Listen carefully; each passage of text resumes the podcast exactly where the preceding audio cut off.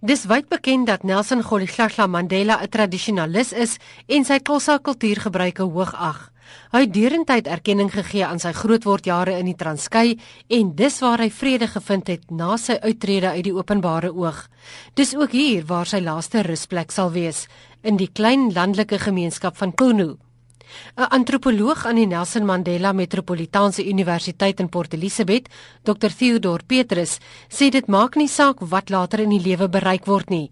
Daar sal altyd teruggekeer word na die kulturele wortels. Ons sien dat uh, kultuur speel 'n belangrike rol, so dit maak saak al kom mense uit die landelike gebiede uit en hulle gaan na die stedelike gebiede toe, hulle studeer in hierdie geval soos met Mandela word hulle nou groot leiers van die land in die politieke arena dit wil nie sê dat hulle nou ontslaa raak van al die aspekte van hulle oorspronklike kulture wat hulle nog steeds saam met hulle bring nie.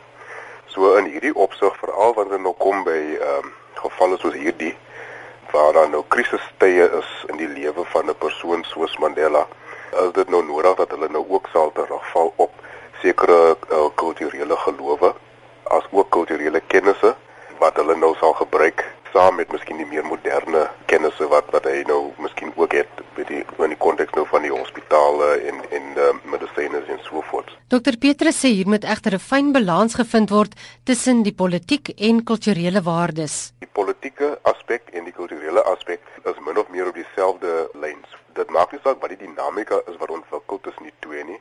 Albei van hulle is van ewe belang as gevolg van die noue verband wat daar bestaan tussen die politieke aspek as ook die kulturele een.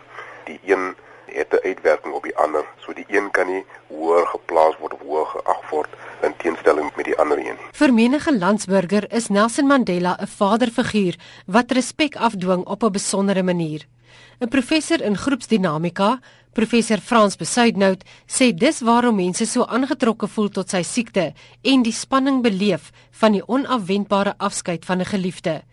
Dit het ook dieselfde effek op die landsburgers. Een van die eerste dinge wat 'n mens sal kan waarneem, is 'n mens hoor hoe die mense onderling met mekaar praat, is die samehorigheidsgevoel dat almal hierdie een visie het van hierdie man wat ernstig siek is, wat kritiek is en ons hoor dat dit nie baie goed gaan met hom nie. En dit mense nader aan mekaar. Die dame wat ons huis vir ons skoonmaak.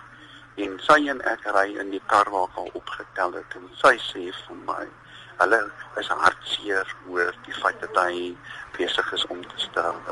Toe praat ons oor hoe ons ander mense en, en ek bedoel nou die totale bevolking van Suid-Afrika ook voel want dit is die een kern van om ons gesprekke en en en die nader kan nie daai goed sien nie, 'n mens kan nie altyd die goed voel nie, maar wanneer mens begin op die kleinere vlak praat, die intieme vlak, dan besef ons dat ons almal dieselfde voel en en en dink. Die media en veral sosiale media speel 'n enorme rol in die sielkundige uitwerking op landsburgers. 'n Kliniese pastorale sielkundige, Dr Leon Steenkamp, meen Nelson Mandela is 'n ikoon, maar nie onsterflik nie. Ja, ek dink die siege van mense word maar gewoon ontwrig daardeur, want hulle kry hierdie teenstrydige berigte en daar is mense wat uh, wil hê hy moet uh, nou maar net rustig sterf en ek bedoel dit positief. Maar daar is ook mense wat wil hê hy moet wonderbaarlik herstel en weer wees waar hy was wat net nie gaan gebeur nie. En dit maak dat mense onseker is en dit skep 'n afwagting weer eens van sensasie want die dag as hy doodgaan gaan dit mos nou absoluut wêreldnuus wees. En uh, ek dink net mense word onnodig ontstel deur al hierdie berigte. As die media dit net rustig en kalm wil hanteer, deur net bloot te sê dit is sy toestand, dit gaan nie goed met hom nie, dan sal dit vir my aanvaarbaar wees. Ek glo dit kan 'n angstigheid veroorsaak alhoewel mense ook identifiseer so sterk met hom wat ek dink ook nie altyd so realisties is nie want ehm um, daar is soveel mense wat nog nooit vir hom gesien het nie of ontmoet het nie of geen kontak het met hom nie en tog begin hulle ook nou as gevolg van die media opgesweep word en raak hulle deel van hierdie kollektiewe bewustheid van hier gaan iets gebeur. Nelson Mandela se oudste dogter Makaziwe het in 'n onderhoud gesê sy neem vir al die buitelandse media kwaadlik omdat hulle alle grense van privaatheid met betrekking tot die rouproses oortree. Maar hoe moeilik dit ook vir die familie is, Madiba is die vaderfiguur van die nasie en mense wil weet hoe dit met hom gaan. Almal gun hom 'n sagte, vreedsame einde. Veronica Fourie in Port Elizabeth.